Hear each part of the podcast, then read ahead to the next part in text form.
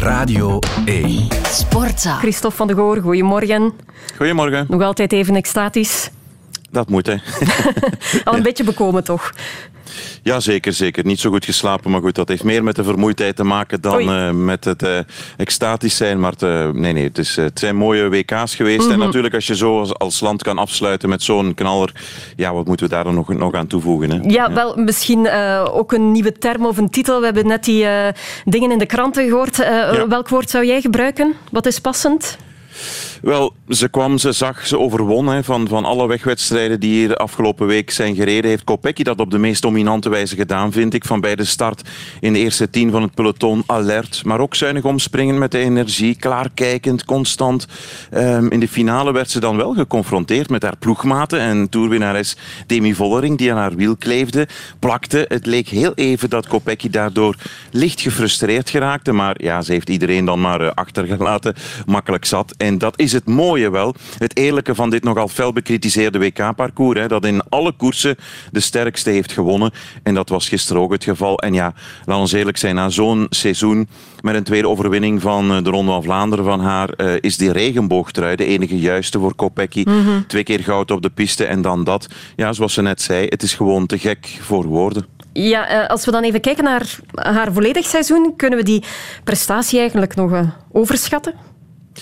Wel, ik denk dat het antwoord op die vraag tweeledig is. Enerzijds fysiek. Uh, Kopecky wordt in het najaar 28 jaar. Zij is fysiek op de top van haar kunnen.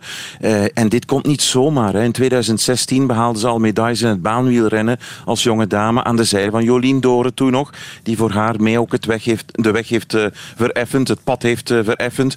En je zag het talent van Kopecky toen al. De snelheid van op die piste, die heeft ze eerst doorgetrokken naar de weg. Want ze stond aanvankelijk bekend als sprinster. Maar vanaf 2020 en zeker post-corona is ze dan ja, beginnen te schitteren in de klassiekers als een complete renster. Talent, maar laat ons niet vergeten, en dat zien mensen niet vaak, uh, ook een heel grote werkijver op training. Mm -hmm. Anderzijds heb je dan die mentale component, die is misschien nog straffer, vind ik persoonlijk, want ze verloor dit jaar haar broer, relatiebreuk, een enorm verdriet dat ze moet verwerken, maar tegelijk zijn haar prestaties beter dan ooit. En die combinatie die lijkt dan bijna onverenigbaar, maar toch doet ze dat. En onlangs zei ze in Hubo, um, fietsen is mijn grote liefde, mijn stukje vrijheid, mijn tijdelijke ontsnapping uit de wereld. En ik vind afzien op de fiets niet moeilijk meer, omdat het van zo'n banaliteit is vergeleken met de rauwe pijn die ik heb gevoeld. En ik denk dat al, dat alles uh, samenvat en verklaart um, hoe sterk ze voor de dag kan komen. En gisteren zagen we dan voor het eerst, want ze is eigenlijk heel introvert, zagen we voor het eerst haar tranen. Ja. Uh, heel emotioneel en ja, dat, dat zegt alles. Mm -hmm. En als we dan uh, even uitzoomen, um, ja. de evaluatie van de Belgen in het algemeen. Kopecky, de wereldtitel tijdrijden met Evenepoel, uh, zilver op de weg met Van Aert, Fleur Moors bij de jongeren, Alex Segaert, zilver uh, tijdrijden belofte, Julie de Wilde, uh, ook nog eens een medaille. Zes in totaal voor België, plus dan nog eens drie in het baanwielrennen. Kopecky, Fabio van den Bossen en Tuur Dens. Dat is goed, dat is heel knap. Um, vooral moeten we gaan kijken naar, naar de toekomst, naar volgend jaar. Hè. Olympische Spelen in Parijs worden heel belangrijk met Evenepoel, Van Aert en Lotte Kopecky als speerpunten. Daar zouden deze prestaties van dit WK moeten kunnen worden doorgetrokken. En het enige negatieve, het meest negatieve, is toch wel het tactische falen bij de belofte in de wegkoers van mm -hmm. zaterdag.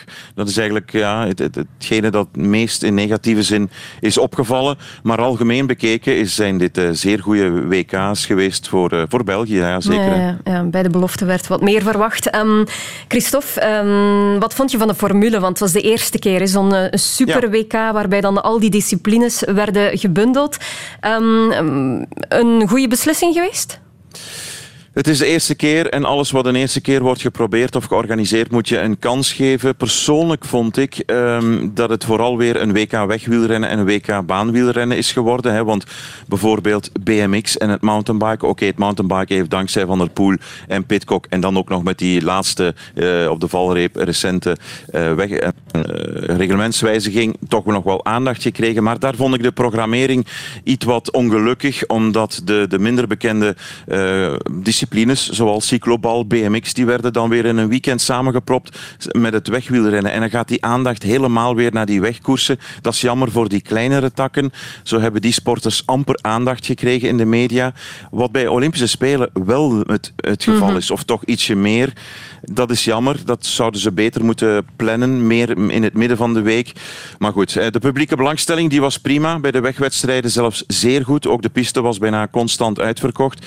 En ja, de renners in het G-wielrennen, die hebben dan wel weer heel veel aandacht gekregen. Veel meer dan wanneer zij een apart WK hebben. En dat is eh, prima voor, voor hen ook uiteraard. Dus dat is een beetje de samenvatting, denk ik, eh, van deze, deze eerste superwereldkampioenschappen. Dankjewel, eh, Christophe. En vanaf morgen uitslapen, hoop ik. Dat hoop ik ook. Dankjewel. Sportza.